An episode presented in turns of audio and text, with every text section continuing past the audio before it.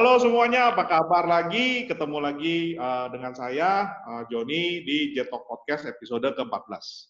Hari ini tamunya sangat spesial. Kenapa? Karena satu-satunya nih tamu yang sekarang gue undang datang wanita. Ya, cantik lagi ya, wanita cantik. Terus wanita ini juga bukan wanita sembarangan karena uh, udah berkecimpung di dunia yang mungkin buat orang-orang ngelihatnya itu sangat apa ya sangat gelap gitu kan yaitu di bidang data ya banyak orang yang bilang dengan semua jargonnya bilang data data data apa sih gitu jadi kalau gue boleh bilang mungkin ini tamu gue hari ini adalah salah satu orang yang berpengaruh di bidang teknologi digital di Indonesia woman in tech oke okay? jadi nggak pakai bahasa-bahasa lagi gue kenalin Vira Santi teman gue ini. Thank you so much ya Fir, hari ini udah datang. Apa kabar? Iya, sama-sama John. Thank you so much, thank you so much. Jadi uh, mungkin boleh kenalin diri dulu sedikit ya, uh, jangan banyak-banyak soalnya ter uh, lo bisa langsung dua jam ini ntar kalau misalnya banyak-banyak. Jadi lo kenalin diri dulu sedikit. Uh, itu, terus nanti baru kita mungkin ngobrol-ngobrol ya. Uh, topik hari ini juga kita mau ngomongin apa nih Fir? habis ini? Data, tentang data. data. Sesuai dengan bidang ya, data tentang data. data uh, how data national ya, di, di, di ini ya, going data nationally ya, basically. Oke. Okay. Kenalin dulu dulu ya, coba deh, gimana? Uh, Kira uh, ini. Ya, halo John, thank you banget udah ngundang aku ke sini gitu ya, uh, siang ini. Jadi buat buat para audiens, uh, kenalin dulu uh, namaku Vira gitu. Jadi uh, lama itu dulu kerja di Telkomsel sebelumnya Abis itu join OVO, Lipo Group bareng sama Joni dulu ketemunya di situ gitu. Sampai sekarang masih temenan baik. Jadi sama eh, sama-sama apa namanya uh, kita punya dreams gitu ya. Cuma mungkin jalannya beda nih gitu. Aku tetap menekunin dunia data. Jadi setelah OVO aku sekarang lagi bikin uh, apa namanya mainan gitu, mainan sendiri. Yang nanti aku bisa ceritain kira-kira mainannya isinya tentang apa. Oke, okay. So, um, thank you, thank you. Jadi uh, mungkin gua mulai dari ini ya, Fir. Uh, tadi kan lu ceritakan lu udah lama lah berkecimpung di dunia data ya, termasuk awal-awal karir lu itu kan sebetulnya kan lu di bidang korporasi, uh, jadi pegawai lah ya uh, di Telkomsel sampai puluhan tahun ya, kurang lebih kayaknya uh, berapa tuh? 20 tahun ya kurang lebih ya. Nah, lu bisa cerita sedikit gak gitu bahwa lu tuh uh, pada saat itu uh, pasti kan itu uh, lingkungan yang sangat didominasi sama cowok. Nah, lo gimana tuh? Uh, apa sih yang bisa bikin lo excited, terus bikin lo uh, challenges-nya waktu itu sebagai seorang uh, women in uh, leader in tech? Gitu. Oke, okay, jadi jadi emang waktu join Telkomsel cukup lama ya, 20 tahun gitu. Jadi kalau orang denger, oh gila lama banget gitu. Hmm. Uh, jadi awal-awalnya memang lama tuh jadi engineer dulu ya. Jadi telco itu kan jantungnya hidupnya di billing system CRM. Jadi aku banyak mainan di situ. Tapi lama-lama dapat assignment assignment baru, assignment baru megang change management, project management, dan terakhir-terakhir role-nya mulai megang ke arah IT planning. Gitu. Jadi IT planning kebetulan tugasnya saat itu harus harus manage semua requirement yang datang dari semua unit bisnis ke IT. Jadi aku kayak bridge di tengah-tengah gitu. Jadi mau nggak mau saat itu yang cukup excited, jadi banyak belajar nih karena aku harus ngerti uh, bahasa dari sisi bisnis, kemudian bahasa dari sisi IT-nya sendiri. Kemudian merangkap, nah tambahan rangkapan kerjaan dan aku feeling grateful banget sampai sekarang aku dikasih kesempatan saat itu untuk ngelit big data di Telkomsel. Nah di situlah mulai mengenal tentang data nih gitu ya. Ketika organisasi saat itu mungkin masih banyak yang belum mainan data, tapi Telkomsel udah mulai explore ke arah sana. Itu berapa tahun yang lalu tuh waktu lu main data uh, itu? Eh, kira-kira aku mulai main data tuh tahun sekitar 2000 2013 2012 gitu ya mulai main di situ. Jadi dari 2009 memang Telkomsel udah explore data gitu. Tapi benar-benar transformasi uh, serius untuk untuk support digitalnya itu memang itu mulai dari uh, kira-kira sekitar tahun 2013. Nah, saat itu emang kebetulan seperti yang dibilang tadi, aku bisa dibilang mungkin perempuan pertama nih gitu ya di di senior manajemennya IT di, di Telkomsel. jadi jadi kalau misalnya meeting-meeting gitu kadang-kadang suka pas lagi di ruang manajemen gitu, ah oh, perempuan sendiri gitu ya.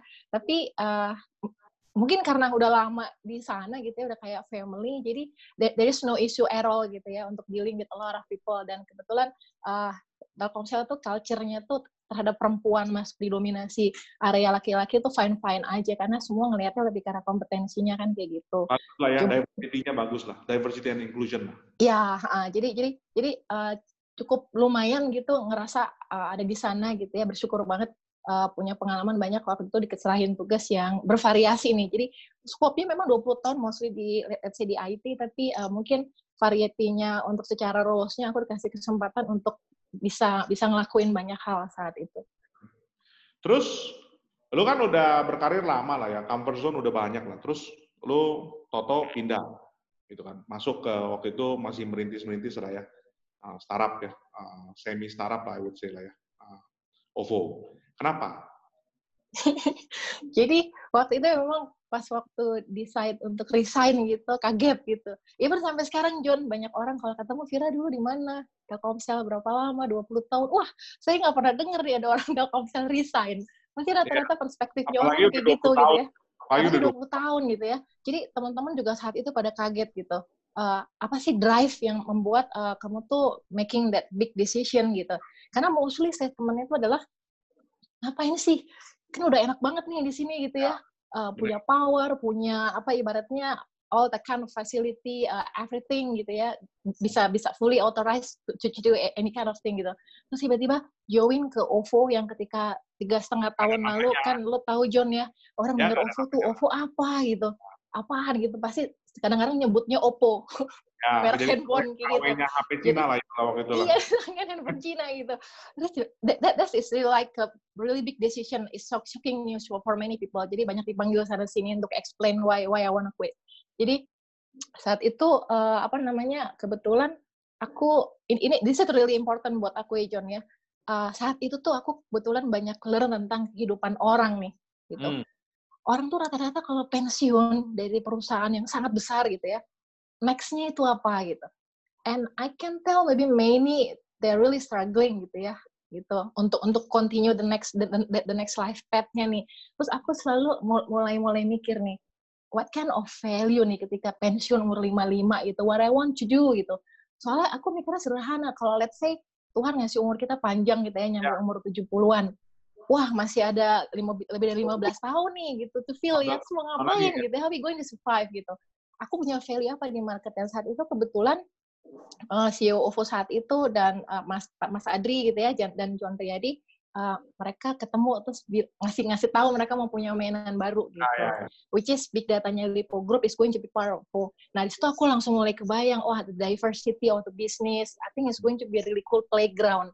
Dan buat aku itu benar-benar apa sih sesuatu hal yang menarik banget buat aku. Jadi dan kebetulan yang lucu mungkin itu teman-teman banyak yang ngeluarin statement ibaratnya gini John, Abi honest with you ya, uh, Fair, sorry to say ya, you over 40 already. What are you going to do? I mean like joining the small startup, nobody know. Hmm. Then you're going to work with a lot of millennials. Yeah. Do you think you can compete with all these millennials? Itu mostly rata-rata statement yang aku terima karena hari ini tuh rasanya udah enak banget ngapain nyari nyari hidup susah ibaratnya kayak gitu. Sure. Tapi itulah ada something yang yang yang make me interest what, what want to quit from my comfort zone gitu ya karena ada banyak hal yang ingin aku explore gitu. Jadi apa tuh begitu uh, selain kan pasti benar kan yang lu bilang kan orang pasti bilang lu yakin lu udah kerja 20 tahun, lu kerja lagi waktu itu di semi BUMN lah ya in a way. Mm -hmm. Terus uh, lu mau pindah, lu kerja begini, gerabak rubuk segala macam. Terus kan kayak tadi lu bilang, lu yakin lu masih bisa compete atau enggak, lu udah tua dan lain-lain. Tapi lu lu sebenarnya tuh uh, uh, apa sih yang lu pengen capai dan uh, terus challenges challenges itu waktu begitu lu masuk tuh gimana gitu? Pas masuk OVO ya. Ya. ya karena ini ini pasti perubahan culture yang mestinya kerasa banget John ya dari dari big enterprise terus tiba-tiba masuk startup yang nggak ada orang yang tahu. Tapi pertama mikir juga sih waktu kita pas awal-awal manajemen meeting itu wah ini kok experience sama nih kayak pas di Telkomsel kok aku cewek sendirian lagi. Ya memang. sama teman-teman laki-laki semua. Udah cowok semua gitu ya. Iya cowok semua gitu. Terus, terus udah gitu kalau kalian present something gitu kan uh, rata-rata apa namanya sama-sama memahamin gitu ya. Terus giliran aku yang present kan bahasa planet yang kayaknya orang lain juga mungkin apaan sih kira ngomong apa nih gitu. Uh, wah cewek-cewek lagi. Ini salah nyari tempat kerja apa gimana nih gitu. Terus yang kedua ternyata bener. Yang dibilang orang, ya. Aku termasuk paling tua. Mudah-mudah lah. termasuk, termasuk paling tua. Even with our CEO during that time gitu ya. ya. Cuma cuma dua tahun gaps nih. Even, even you are younger than me gitu. Ya. Jadi jadi habis itu ya my happiness tuh kalau misalnya tiba-tiba ada orang join OVO terus dia sama tuanya. itu happy banget John Warwick sampai tua gitu kan uh, jadi apa terus berikutnya ini yang kerasa banget uh, nggak ada fasilitas ya gitu jadi kalau oh, dulu iya. Telkomsel kan punya ruangan kerja. Ah, oh fasilitasnya banyak banget gitu ya. Bisa dinikmatin. bisa even bisa nyuruh nyuruh office boy gitu. Ya, nah, pas waktu join OVO join OVO fasilitas nggak ada. Yang paling penting ya this is really apa namanya uh, my first experience gitu. Kayak mobil, nggak ada juga. Belum. aku kerja di ruangan yang even itu belum di semen. Oh iya. lantainya belum di semen. Saat itu lo inget ya lantai berapa tuh? Ya, ya, ya. Dua dua atau berapa? Itu lantainya belum di semen, jadi masih pakai terpal gitu. Nah terus sampai uh, masuk aja pakai masker kita. Iya pakai masker. Temboknya nggak ada nggak ada kurtinnya ya. Ya ya. Jadi dikasih triplek. Wah ya. jadi aku benar-benar apa ngerasain berada dalam startup yang dibangun bener-bener dari awal gitu ya sampai akhirnya ketika aku resign itu OVO udah udah segitu besarnya. Jadi uh, mungkin itu. Jadi uh, tapi yang paling penting lagi yang aku amazed banget uh, memang ini bedanya antara startup dengan uh, big korporasi ya. The decision itu dibuat tuh sangat sangat cepat. Okay. sangat cepat. Because time is everything. Time is about opportunity time is money gitu. Jadi semuanya harus sampai cepat. Even proses pengadaan pun aku surprise banget saat itu aku inget dua hari itu bisa PO keluar di big enterprise is there is no way lah hal itu bisa kejadian gitu ya. itu lo the support stakeholdersnya juga kuat lah waktu itu lah. Basically iya, kan betul pengen, betul. Kan pengen kedorong ke arah sana. Iya, uh -uh. agree banget. Terus kalau lo lihat gitu kan, lo kan lihat ya uh, selain kultur gitu, lo kan di Telkomsel kan juga ngerjain data. Terus kan di hmm. OVO lo ngerjain data. Terus sampai akhirnya sekarang lu juga masih ngerjain data lah. Ini kan berarti kan lu makin mendalami dunia ini. Sebenarnya bedanya apa sih gitu dan challenges-nya apa gitu dan kenapa lu sampai mau mendalami dunia ini gitu yang membuat lu continuously excited about this. Gitu. Oke, okay.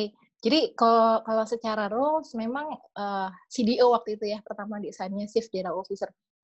Tiga setengah tahun lalu di Indonesia mungkin belum ada tuh title CDO gitu ya rata-rata orang uh, head of data, GM of data, VP of data. Jadi uh, lumayan juga punya pengalaman saat itu jadi jadi jadi CDO yang konteks role ini tuh masih belum quite familiar ada di Indonesia gitu. Yang jelas role saya itu benar-benar end to end. Jadi perspektifnya itu dari ujung ke ujung.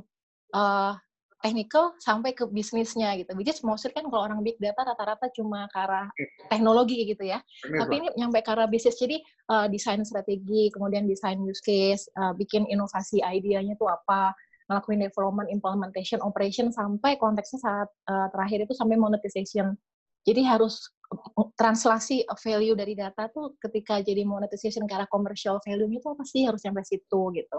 Jadi benar-benar end to end. Jadi kalau di Telkomsel mungkin bedanya uh, aku lebih ke arah IT-nya gitu, lebih ke arah teknisnya aja gitu ya. Jadi benar-benar ngomongnya bahasa teknologi untuk untuk implementasi. Uh -uh. Tapi begitu yang di OVO udah di extend ke arah ke arah bisnisnya. Dan kebetulan operational apa operational uh, operating modelnya juga agak beda Telkomsel dengan OVO ya. Kalau di Telkomsel memang center of of excellence big data itu mostly ada di IT gitu. Hmm. Tapi uh, data analysis capability itu di extend ke unit bisnis kebetulan kalau di OVO kan itu agak tercentralize ada di tim big data ya secara secara end to end. Jadi mungkin kalau secara pembedaan antara role cuma di situ aja sih. Oke. Okay. Terus gue tahu lo juga bawa harum nama Indonesia lah. Uh, lo waktu itu juga banyak bawa nama OVO menang penghargaannya.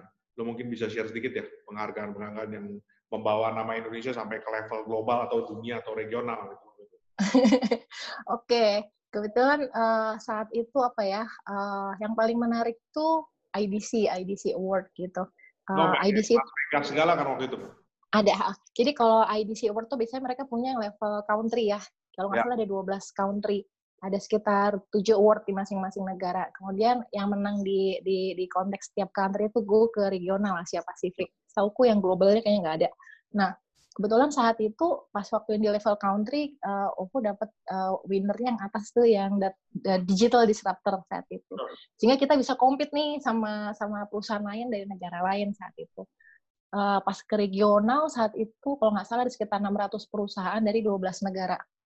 Jadi saat itu orang-orang bilang ah, wah Fir bisa dapat yang di bawahnya aja ibaratnya rumah-rumahnya aja udah oke okay banget nih gitu ya. Nggak nggak bos expect yang di atas banget nih gitu. Dapat dapat karena mereka punya beberapa kategori ternyata pas waktu di announce gitu ya, OVO dapat yang digital disruptor. Jadi ini sama nih awardnya dengan yang kita menang di Indonesia gitu. Wah itu udah happy banget tuh gitu. Aku langsung text uh, to CEO karena ada taruhannya juga saya itu kalau dapat aku mau ditraktir gitu.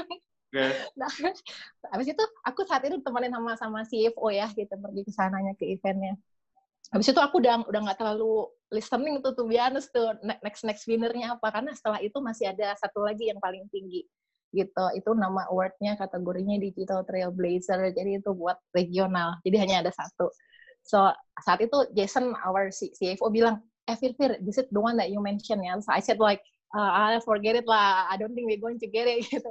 Ternyata di Earls itu full lagi. Wah itu happy banget John. Dan itu begitu begitu ngelihat ngelihat struktur winernya ya. Itu kayak inilah ya. Uh, Piala Citra nomor satu lah atau baiklah kurang lebih semacam iya. itulah ya kalau di dunia perfilman. Iya terus ternyata pas pas dilihat itu uh, itu kita tuh ngewakilin Indonesia dan Indonesia to be on the top gitu. Karena yang lain itu winnernya rata-rata dari negara Cina gitu ya uh, Korea kayak gitu gitu. Gue jadi ikut waktu itu sih. jadi jadi rasanya tuh happy banget. Tuh gila kita ngewakilin Indonesia dan kita dapat dua lagi gitu. Terus seneng banget gitu.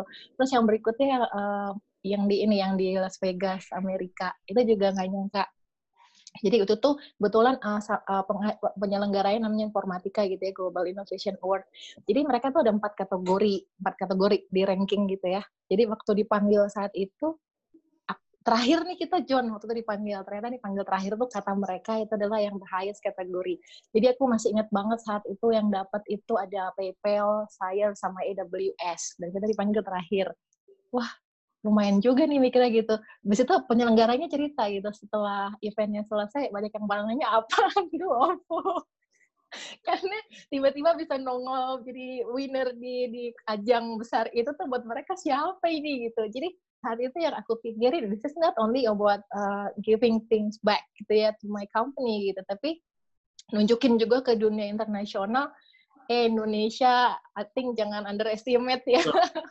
kita eh, sendiri-sendiri punya punya something ya. yang apa ya, namanya? ya ibaratnya ada kita tuh udah udah udah, udah lumayan maju lah ya berarti kayak gitu nah, ya gitu. Itu benar-benar achievement in the frontier of the technology, right? Yang paling mm -mm, mm -mm. Gitu. Terus kan lucu ya. Jadi kalau kayak gitu kan lu balik lagi tuh. Terus karir lu itu kan lu udah uh, besar di Telkomsel, besar di OVO, lagi naik-naiknya terus lu pindah, lu bangun lagi usaha sendiri sekarang. Terus uh, lu mungkin bisa share sedikit kenapa dan lu sebenarnya sekarang tuh ngapain sih gitu. Oke. Uh, jadi emang benar saat itu memang mungkin lagi enak-enaknya gitu sebenarnya ya. Semuanya tuh lagi everything is is well well well set up for me in my life gitu. Tapi masalah gini John, aku tuh tipe orang yang seneng bangun sesuatu dari nol it's going to excite me. Tapi kalau misalnya nanti udah mulai ke arah operasional kayak gitu-gitu, it's, it's no longer my call gitu. Jadi uh, dan kebetulan saat itu uh, banyak banget perusahaan-perusahaan yang visit gitu ya di OVO. Mereka studi gitu tentang big data-nya OVO dan Lipo.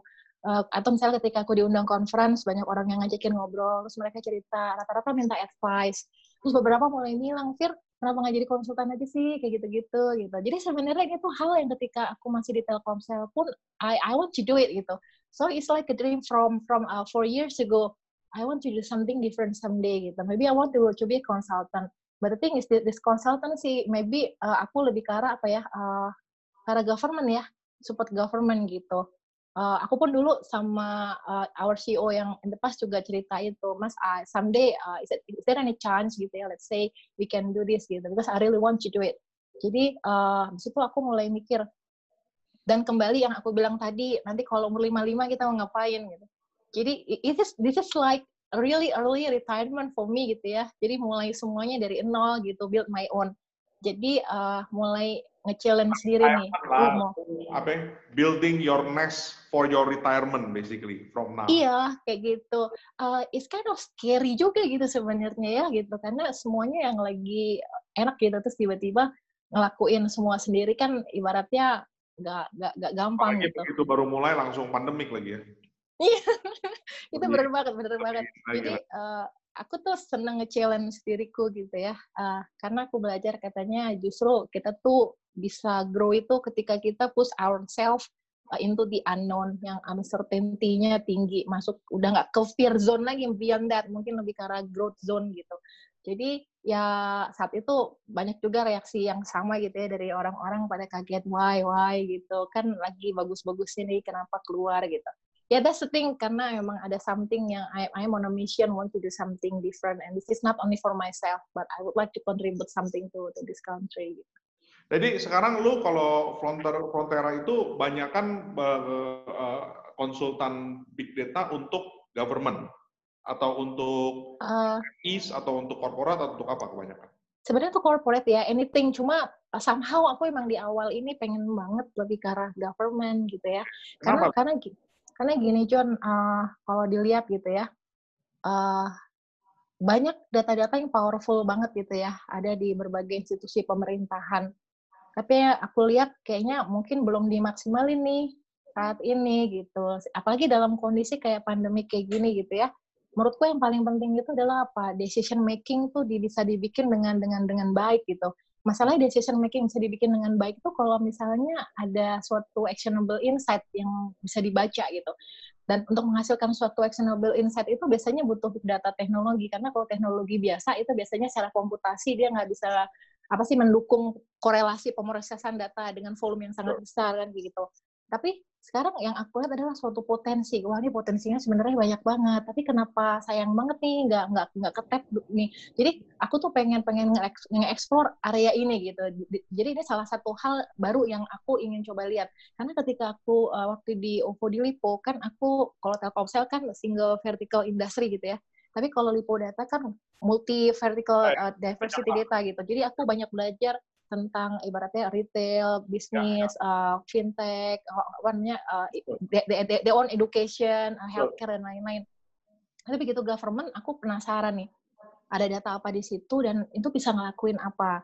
Nah, aku juga mungkin bisa share. Jadi gini, banyak yang aku lihat gitu ya ketika ketemu banyak organisasi lain yang mereka juga ibaratnya sharing to me gitu ya, kenapa big data mereka rata-rata stuck stuck somewhere gitu. Uh, aku ngeliat banyak similarity John gitu ya karena banyak organisasi itu ketika implement big data mereka fokusnya lebih karena teknologinya nih. Gitu. Mereka tuh nggak benar-benar mikirin banyak memang lebih harus fokusnya ke teknologinya ya, bukan? Nggak. Mikirnya harus lebih karena use cases gitu. Okay. Use case. Apa data. Terus mungkin biar hmm. teman-teman juga lebih ngerti lah. Maksudnya okay. itu apa? Jadi uh, data itu kan mesti ditranslate jadi suatu hal yang meaningful. Nah, ketika ditranslate ini, use case-nya apa, dan itu bisa membawa manfaat atau impact ke organisasi, transformasi itu seperti apa. Nah, biasanya isunya rata-rata di sini. Mereka selalu pada bilang, kita udah punya teknologinya, datanya udah masuk gitu ya ke big data, tapi kita bingung, next-nya what gitu. So, jadi kalau aku evaluate uh, my value gitu ya, I think maybe I think I'm good at doing this gitu bagaimana mentranslasikan organisasi data ke suatu use case. Tapi ini not, not about translating only gitu. Gimana setelah ditranslate jadi suatu use case, use, case ini tuh bisa ngasih impact. Impact ke, organi ke organisasi. Misalnya use case itu maksudnya apa, terus impact apa gitu? Kasih contoh real gitu, misalnya apa? Gitu. Contoh impact misalnya kayak gini. Tangkap gitu bahwa nggak nggak ngawang kan? Oh data hmm. apa itu itu apa sih contohnya misalnya? Gini, misalnya uh, organisasi misalnya lu punya kan, vending machine deh, lu kemarin kan bikin vending machine Mm-mm. Paling gampang lah, misalnya itu kan contoh. Oke. Okay. Nah, Aku, atau apa, terserah lah, whatever lah. Vera tuh ada kalo, bikin kalo, yang lucu itu tuh kemarin kan, yang bisa ini itu. Tapi oke, okay, silakan. Kalau OVO gitu ya, aku ngasih contoh misalnya OVO gitu ya. ya boleh, misalnya boleh. OVO dulu deh gitu, biar gampang korelasinya. Misalnya OVO dulu. Uh, kayak vending machine orang mikirnya mungkin, ah, just vending machine tap using OVO payment keluar barangnya. Tapi Correct. it's beyond that. Karena di belakangnya sebenarnya itu tuh banyak API analitik mesinnya bisa ngelakuin apa distribusi sampling, bisa ngelakuin survei gitu ya. Itu bisa baca persona, bisa ngeluarin insight dan lain-lain. Dan insight ini tuh sebenarnya bisa dipakai sama berbagai digital ekosistem marketing, ads dan lain-lain. Nah, ini multiple benefitnya tuh harus cross organisasi gitu ya, ceritanya. Artinya adalah jadi misalnya kayak seorang Joni belanja di vending machine itu, gue suka beli susu, lu akan tahu bahwa gue beli susu apa, setiap jam berapa, tanggal berapa, setiap minggu berapa beli berapa dan lain-lain. Terus lo mungkin mm -hmm. pattern bahwa gue itu sebenarnya tinggal di daerah mana atau kerja di daerah mana karena gue selalu belanja pakai mesin vending machine itu. Terus yeah. dari pun lo nanti akan bisa lagi ngebaca bahwa besok-besok pada saat misalnya ada perusahaan susu lagi keluarin uh, uh, varian baru atau apa segala macam, gue bisa menjadi target customer dia. Yeah. Lebih begitu. Or ya? personalized campaign, something like that. Itu gitu. contoh use cases yang memberikan impact kepada si organisasi. Seperti yeah. karena itu bisa menjadi distributor untuk sampling. Tadi lu cerita nah, gitu. Padahal kalau dipikir datanya OVO itu kan tentang payment ya, loyalty merchant. Correct. Tapi gimana caranya kita bisa deliver, create a lot of apa namanya insight sama uh, rich customer segmentation. Nah, nah jadi kalau misalnya kita, kayak gue bisa seneng lah karena gue tahu gitu, eh gue suka beli ini misalnya susu coklat, ada ini misalnya ada keluar susu duren gitu kan, terus dia bisa, oh iya, gue, gue bisa, oh lu langsung nawarin ke gue gitu, kayaknya, oh lu kok ngerti gue banget gitu kan, kayak gitu lah ya. Iya. Nah, nanti kalau dikombain sama mesin learning gitu ya, susu kasih tawarin ke Joni gitu, susu strawberry, uh, you don't take it. Tapi kalau dikasih coklat, you take it. Duren. duren, you take it. dia denger nanti ada yang bikin keluar susu duren. Jadi nanti big data-nya lama-lama giring smart knowing yeah. about Johnny kan kayak gitu. Nah sekarang kan konteksnya gimana nih government gitu dengan data-data aset yang mereka miliki going toward that direction gitu. Karena right. aku believe gitu ya, kalau setiap institusi pemerintahan benar-benar transform their data into something meaningful, bahkan data mereka itu bisa dipakai untuk ngasih kontribusi ke organisasi pemerintah lainnya. Banyak sebenarnya. Menurut Jadi, sebenarnya to be really powerful gitu ya. Benar. Ini mungkin salah satu, ini menarik sih, kayak misalnya kayak kemarin kita waktu begitu pandemi krisis kan uh, masalah bansos. Hmm. Itu kan banyak tuh bansos yang suka salah kan. Tahu-tahu hmm. anggota DPRD lah bisa terima bansos. Terus yang ini sebenarnya nggak perlu dapat malah dapat, yang harusnya dapat malah nggak dapat. Kenapa? Karena dapatnya berantakan. Jadi ya. part of the basically mungkin supaya yang penonton juga yang dengerin bisa tahu ya bahwa di, di, di belakang itu sebenarnya seseorang yang kayak Vira ini yang bisa membantu government untuk bisa menyalurkan bansos itu tepat sasaran sebetulnya kan. Misalnya ya, lu itu salah satunya. KTP, Dukcapil dan lain-lain gitu kan. Jadi nomornya itu semuanya ngikut nempel segala macam. Itu salah satu kan. Ya. nah, itu jadi, lah ya. That's a betul. Nah, sekarang aku kasih contoh yang aku tuh salut banget gitu ya. Salah satu contoh data driven uh, nation buat aku tuh negara Cina gitu. Hmm. Kan mungkin Joni pernah dengar mereka mulai bangun social scoring ya. Ya, ya. Jadi kalau pergi ke Cina itu kan kamera ada di mana-mana. 10 12 tahun lalu aku ke Cina di jalan orang-orang banyak yang ngeludah gitu ya. Ya. Ngeludah di mana-mana. Sekarang nggak berani cuy gitu kan karena ada kamera. Sosial skornya itu bisa jelek gitu skor tiap setiap individu. Jadi semua data itu dikumpulin bangun sosial skor ini. Sekarang lah, bukan mobil doang, lu yang nanti Iya, uh, jadi nanti kalau skornya bagus dikasih kemudahan untuk fasilitas gitu. Tapi kalau skornya jelek, mungkin nggak gampang nih mau menikmati suatu fasilitas dari negara. Tapi impact-nya apa nih yang aku bisa lihat ketika ada COVID kayak kemarin gitu. Karena data gitu ya, secara baseline kependudukan itu sangat rapih gitu. Karena itu konteksnya nggak hanya completeness, tapi akurasi, presisi gitu ya. Jadi ujung-ujungnya kalau kita mau definisikan siapa sih yang berhak dapat subsidi gitu ya, siapa sih yang sakit semua segala macam, terus terintegrasi dengan digital platform. Dan lu tahu di situ ter terkait digital lifestyle mereka strong banget. Jadi menurutku data is the fundamental of everything itu. Tapi kalau kembali ke situasi misalnya ke Indonesia sekarang, banyak juga aku dapat cerita teman-teman yang wah dia kaya banget nih mobilnya aja mewah-mewah tiba-tiba dikasih plastik bansos itu kan buat ya, covid gitu. Padahal itu sebenarnya lebih meaningful buat orang lain gitu. Ya kemarin kan ada yang kasus kayak gitu kan Sir. Iya. Nah jadi menurutku tuh uh, data tuh harus sangat membantu. Jadi makanya banyak baselining thing di, di, di negara ini ya. Kalau data ini benar-benar di, dirapihkan gitu ya. Dan setiap organisasi memahamin value-nya itu pasti uh, akan kerasa banget manfaatnya kayak gitu. Nah, jadi mungkin hal yang bikin aku uh, seneng gitu ya ketika aku misalnya dealing dengan mereka, rata-rata mereka excited gitu. Jadi aku tuh happy banget ketika misalnya uh, aku pas selesai present, kadang-kadang tuh bisa nyampe dua setengah jam, tiga jam gitu. Even udah dua kali, tiga kali diskusi. Jadi bentuknya aku biasanya sharing session dulu nih ngasih pemahaman gitu. Big data tuh sebenarnya konteks siapa.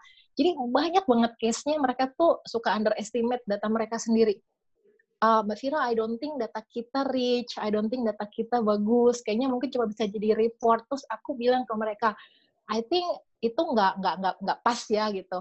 I can tell even right now, uh, your data itu bisa ditranslate jadi potential use case apa aja gitu. Mereka nggak sadar bahwa mereka itu sitting on a gold mine actually. Iya, jadi data kalian tuh bisa deliver suatu insight yang ini bisa membuat kalian melakukan ini, kemudian bisa menginfluence organisasi lain bahkan termasuk mungkin bisa dimonetize juga even someday. Nah situ mulai pemikirannya kebuka. Nah itu bisa mereka mulai mulai excited tuh. Uh, please please share more share more gitu. Jadi aku tuh seneng terlibat dalam proses yang kayak gini. Bikin orang tuh jadi bersemangat untuk ngelakuin sesuatu hal yang berbeda. Yeah. uh -uh. jadi jadi ini, ini ini hal yang membuat aku tuh seneng. Dan ini tuh ibaratnya nggak bisa dikompensate dengan anything gitu ya. So this is emang dari dulu something yang aku ingin lakuin. Sure. nah sekarang gini. Lu kan basically kan dari veteran orang korporat masuk ke startup akhirnya sekarang bikin startup mm -hmm. ini banyak challenge lah uh, baik secara kerjaan atau mungkin juga banyak yang suka colek-colek mungkin lu suruh uh, apalah joint venture lah uh, balik ke korporat lah. Nah itu itu lu bisa cerita sedikit mungkin ya. Ada nggak yang begitu-begitu atau gimana? Oke, jadi pas waktu mulai mau bikin company nih, kan sering ketemu sama teman-teman yang udah mulai bangun startup gitu ya John ya, terus mulai dengar kata-kata valuasi dan lain-lain gitu. Jadi di awal aku thinking, aku mau ngapain gitu, objektifnya apa, apa sih kepuasan batin yang aku ingin capai ketika aku melakukan ini gitu? Apakah aku benar-benar hanya ingin sekedar melakukan kayak bisnis valuasi yang kayak orang lain lakukan gitu ya? I don't think so gitu. Aku rasa bukan ini yang aku sasar gitu. Uh, tapi memang saat itu lumayan agak serem juga. Ini prosesnya kayak apa sih gitu bikin perusahaan administrasinya uh, ribet banget nggak sih gitu. Jadi ternyata banyak tahapan-tahapan yang dilaluin gitu. Jadi awalnya tuh dulu mungkin rada-rada khawatir gitu tapi ternyata pas udah ngelaluin oh my god itu ternyata sudah berhasil terus company-nya mulai serap. Dan saat itu memang kebetulan uh, cukup bersyukur even dua aku masih ingat banget berapa hari gitu ya sebelum aku submit paper gitu ya untuk create this company udah ada perusahaan IT besar yang nawarin untuk invest saat hmm. itu cuma kan aku mikir oh, aja uh, udah ada yang mau beli ya udah ada yang mau ini menarik ini. Terus even I don't even I don't have the knowledge at all about, ya. about valuasi. Lu juga bingung mau dibeli mau jual berapa kagak tahu. Dan mikir valuasi kayak gimana nih this ya, ya. me by myself one body itu kalau misalnya tahu lah, lu kan diskusi sama gue juga waktu itu kan. Ngobrol-ngobrol waktu itu nanya ini gimana John ngitungnya berapa gini kan. Itu itu even even masih ditarik mundur lagi ke belakang gitu ya. Nah saat itu aku berpikir uh, I really appreciate for the intention gitu ya. Tapi aku ngerasa aku harus belajar dulu gitu aku yeah. harus belajar dulu aku belum ingin manage uh, expectation coming from anybody gitu ya aku, mau learn jadi ketika learn sendiri ini kira-kira challenge-nya apa aku bisa overcome gak that, that kind of challenge gitu terus akhirnya mulai ngejalanin step berikutnya aku break dulu nih memang setelah aku uh, ibaratnya resign dari Oppo ya mikirin yeah. konsep ketemuan banyak orang ngelakuin yeah. riset mesti mesti tahu di, di market nih uh, kebutuhannya tuh apa Sure. Apa yang membuat aku tuh berbeda dengan yang lain? Karena kebetulan gini John ya, apa yang aku lakuin sekarang itu kan something yang sebenarnya big consulting dari luar negeri lakukan gitu ya ke arah strategi. Wah. Semua banyak mau... big consulting yang sebenarnya akhirnya mau masuk ke bisnis ini sih. Because they know that this is actually the holy grail, right? Ini kan benar. Iya. Nah uh, itu makanya kan ini ini, aku, ini adalah enablernya untuk bisa survive karena kalau nggak kan lo ngomong nggak ada datanya itu ngomong pepesan kosong lah. Gitu. Betul. Nah, compete sama this big name itu kan juga nggak easy ya, apalagi uh, government itu atau big corporate kan rata-rata mereka kalau udah ngomongin strategic consultancy itu biasanya sama big name nih gitu. Tiba-tiba aku muncul orang Indonesia gitu ya. ya. Tapi buat aku ini challenge gitu. Aku benar-benar ingin hmm? lu keren lah. Maksudnya uh, dengan lu punya background dan segala macam dan kredibilitas dan ini lu sih I think you you are building a, a, a potentially a unicorn sih, I think. Semoga ya gitu. Makanya makanya aku di awal ini memang investasiku lebih ke arah mungkin kayak uh, nurturing ya. ya. Jadi sharing session, bangun mindset gitu ya ke teman-teman dari government bangun mindset gitu. Nanti kalau udah bangun mindset, baru next step-nya aku bisa proses suatu opportunity di situ. Tapi ini investasi yang harus aku lakukan gitu di depan. Jadi apa namanya uh, ya seneng aja ngatin ini tapi tadi lanjut dari tadi masalah partnership gitu ya misalnya konteksnya ketika bangun perusahaan gitu uh, challenge-nya uh, tadi global consulting. Terus ya. gimana sih aku bisa ngasih value lebih nih dibandingkan mereka? Kayak gitu. Jadi ya tapi to be honest ya aku bukan tipe orang yang easily to give up gitu.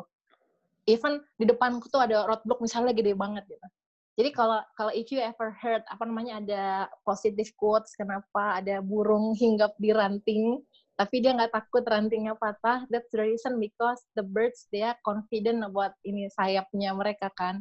Jadi I need to put the confidence of myself gitu that I can do it gitu. Jadi uh, konteksnya adalah memang harus belajar banyak gitu ya ketemuan banyak orang. Uh, apa aja sih udah mereka lakukan yang paling penting jadi networking tuh buat aku tuh penting banget sih ketika kita kita memulai suatu suatu bisnis sendiri sure.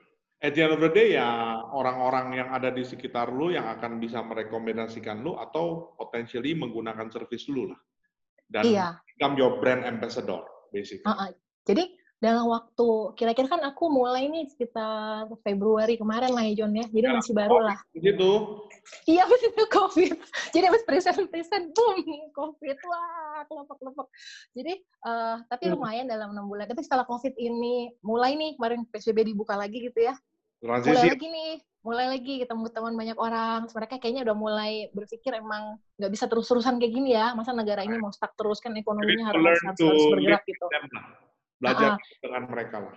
Nah saat itu mulailah ada lagi yang ngajakin partneran kayak gitu. Jadi aku sekarang partnernya sama ada lokal SI di Indonesia dan da, alhamdulillah ada yang global consulting di luar juga ada yang ngajakin partneran. Per dia ada dua gitu. Jadi uh, aku emang seneng kayak gitu gitu ya.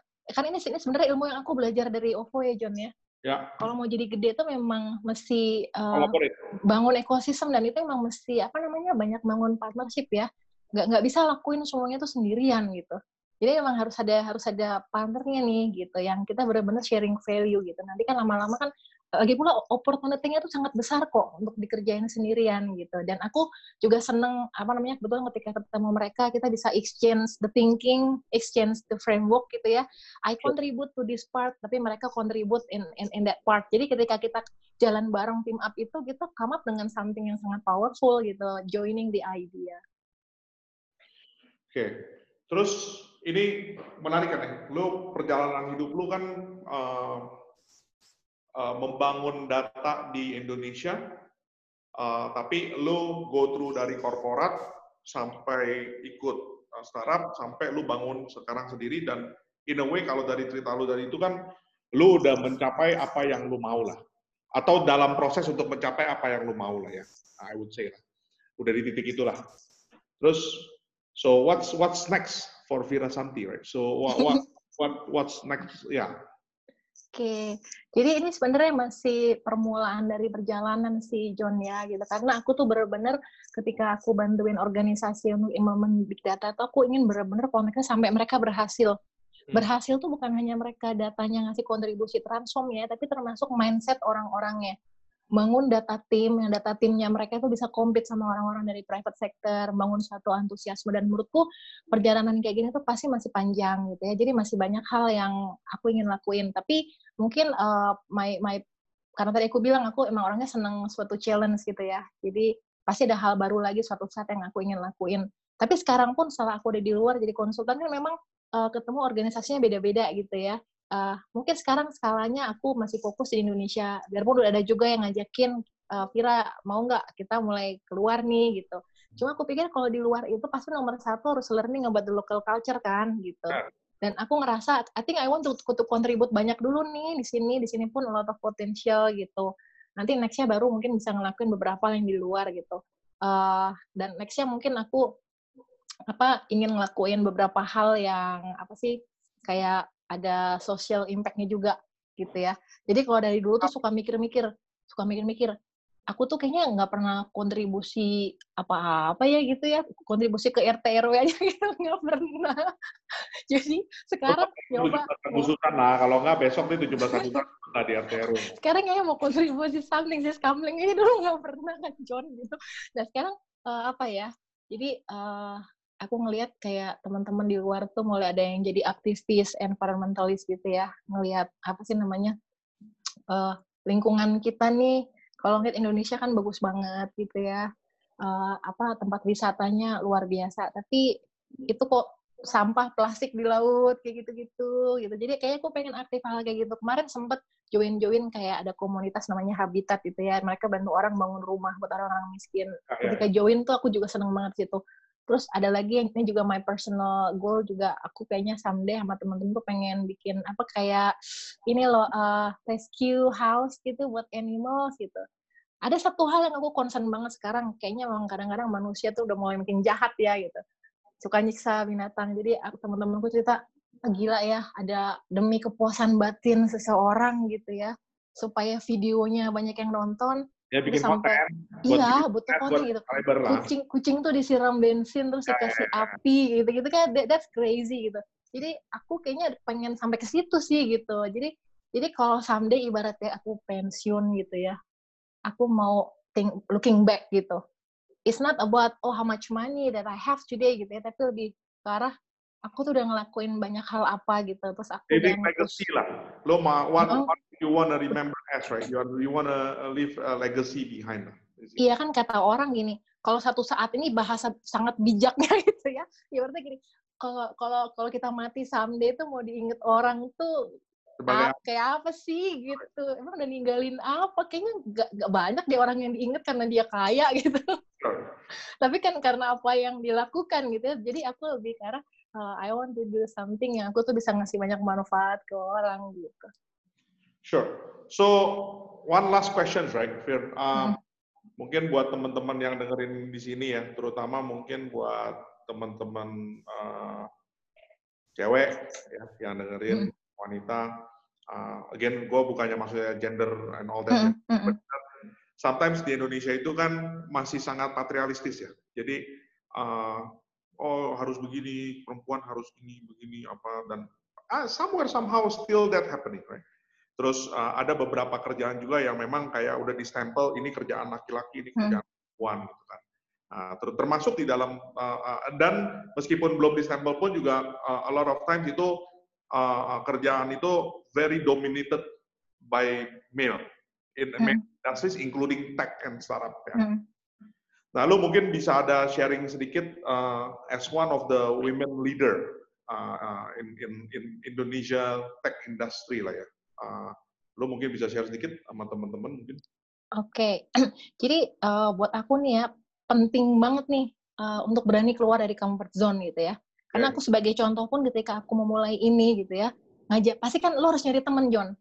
Ya. Rata-rata orang yang mau gue ajakin rata-rata nggak ada yang berani. Ya. nggak ada yang berani karena karena lu nggak ngajak gue. Kalau lu berani. karena mikirnya pada kira sih scary-nya tuh apa? lu tau nggak John yang bikin orang pasti sangat sangat worry apa? Keluar dari comfort zone ya, tiba-tiba mereka nggak gajian lagi. Ya. Gitu ya.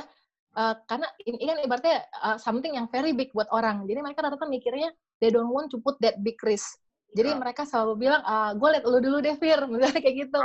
Either I'm successful or either I'm fail. But the thing is, I never initiate something if I don't believe that I'm going to make it happen gitu ya.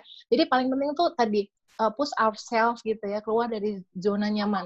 Tapi paling penting tuh nomor satu, kita tuh harus explore potensial diri kita tuh apa. Potensi nih gitu hal-hal kecil apa pun kadang-kadang mungkin kita lupa gitu padahal itu bisa jadi potensi yang besar gitu ya. Jadi, jadi lu mesti belajar mengerti diri lu dengan lebih baik dan melihat iya. apa sebenarnya yang bisa jadi potensi ke depan ya. Ya itu tuh benar-benar harus digali gitu dari sekarang potensi kita apa. Untuk jangka pendek jangka panjang potensi ini tuh bisa membawa value apa sih ke kehidupan kita gitu ya. Terus uh, jangan banyakkan takut banyakkan orang banyakkan worry nih. What if ini what if itu? So it it, it stop them to to to to, to do it gitu. Risk taker. Sedangkan Iya, jadi sedangkan ada orang lain yang mereka udah udah jam gitu ya, ini masih worry gitu. That, that, that, don't, don't, don't do that gitu. Terus apa namanya, kan katanya orang, kata-kata bijak dari orang itu kan yang pernah aku dengar, the best thing to create the future, apa, to predict the future is by creating it, right? Kayak gitu. By nah, what? Jadi, uh, the, the best thing to predict the, the, the future is by creating it. Jadi, creating it, oke. Okay. Creating it gitu ya. Uh, jadi mungkin nextnya so, create bangun, your future. Iya, karena kan kalau cuma predik bayangin gimana nggak nggak ketahuan juga is going to be like in the cloud gitu ya. Jadi cara terbaik untuk untuk untuk memprediknya ya kita dengan menciptakan gitu. Nah, so jadi, lu, jadi lu tulis lah lu tulis lu punya lu mau future lu seperti apa you write it yourself right? Then put the action on it Correct. gitu ya. Dan ketika put the action itu kita tuh masih benar-benar passionate gitu percuma ya kita punya suatu keinginan tapi ketika ngelakuinnya kita totally nggak passionate. Itu namanya stres kalau kita nggak passionate gitu ya. Terus habis itu nextnya banyak bangun networking gitu ya banyak bangun networking. Ketemu orang-orang yang mereka udah do this dan that. Caranya kita, kalau buat teman-teman yang masih muda-muda atau cewek-cewek atau yang pengen kenal di tech tapi bukan di industri tech itu caranya gimana networking? Biasanya join komunitas ya. Okay. Kayak di Indonesia kan ada komunitas data dan gitu-gitu. Mungkin stepping awalnya dengan join komunitas ini learning tentang teknologi dulu nih di market gitu. Ya. Karena opsi teknologi itu banyak banget gitu. uh, organisasi A adopsi apa, organisasi B adopsi apa beda-beda gitu. Nanti kan bisa learn the experience about the variety of the technology dari antar organisasi. Lama-lama dapat business sense. Dapat business sense, ketemu orang, uh, kan banyak sekarang anak-anak yang muda-muda bikin startup dan mereka really successful on doing this gitu. Jadi pasti ada banyak lesson learn-nya nih mereka pasti semua kan nggak ada yang orang sukses tanpa pernah ngalamin a lot of challenge gitu ya. Banyak kan kan orang hanya ngeliat suksesnya aja, tapi berdarah struggle-nya di bawahnya tuh nggak nggak dilihat gitu. Nah jadi belajar listening dari orang-orang yang kayak gini yang sudah melakukannya gitu. Dan terus yang next yang paling penting harus benar-benar percaya sama diri nih, gitu ya. Kita harus punya really big confident to, to ourselves gitu, that we really can do it.